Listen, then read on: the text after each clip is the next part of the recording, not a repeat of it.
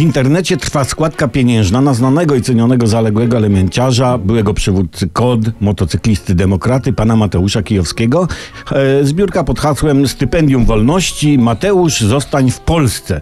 No bo pan Mateusz ma duże zaległości finansowe i zagroził, że będzie musiał emigrować zarobkowo, by sprostać zadłużeniu. Stąd ta akcja, którą można by nawet nazwać szlachetna składka.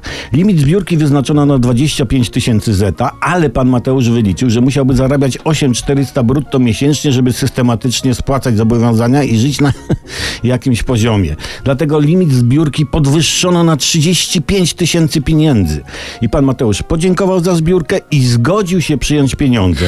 No, będzie miał na bilet biznes klasy w samolocie do docelowego kraju emigracji. Ale 35 tysięcy, no to jest kropla w morzu potrzeb, ale jego wyznawcy na pewno sprostają zadaniu. A właśnie, wyznawcy.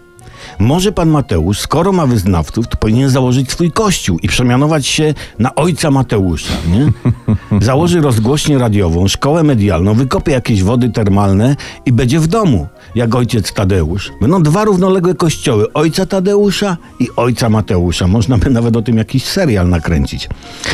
Albo niech się pan Mateusz zapisze do PiSu, nie? Powie, że przejrzał na oczy, dokonała się w nim dobra zmiana, poprze reformę sądów i odetnie się od zmurszałej, błędnej przeszłości, w której sypał kłody pod szprychy wstawania z kolan.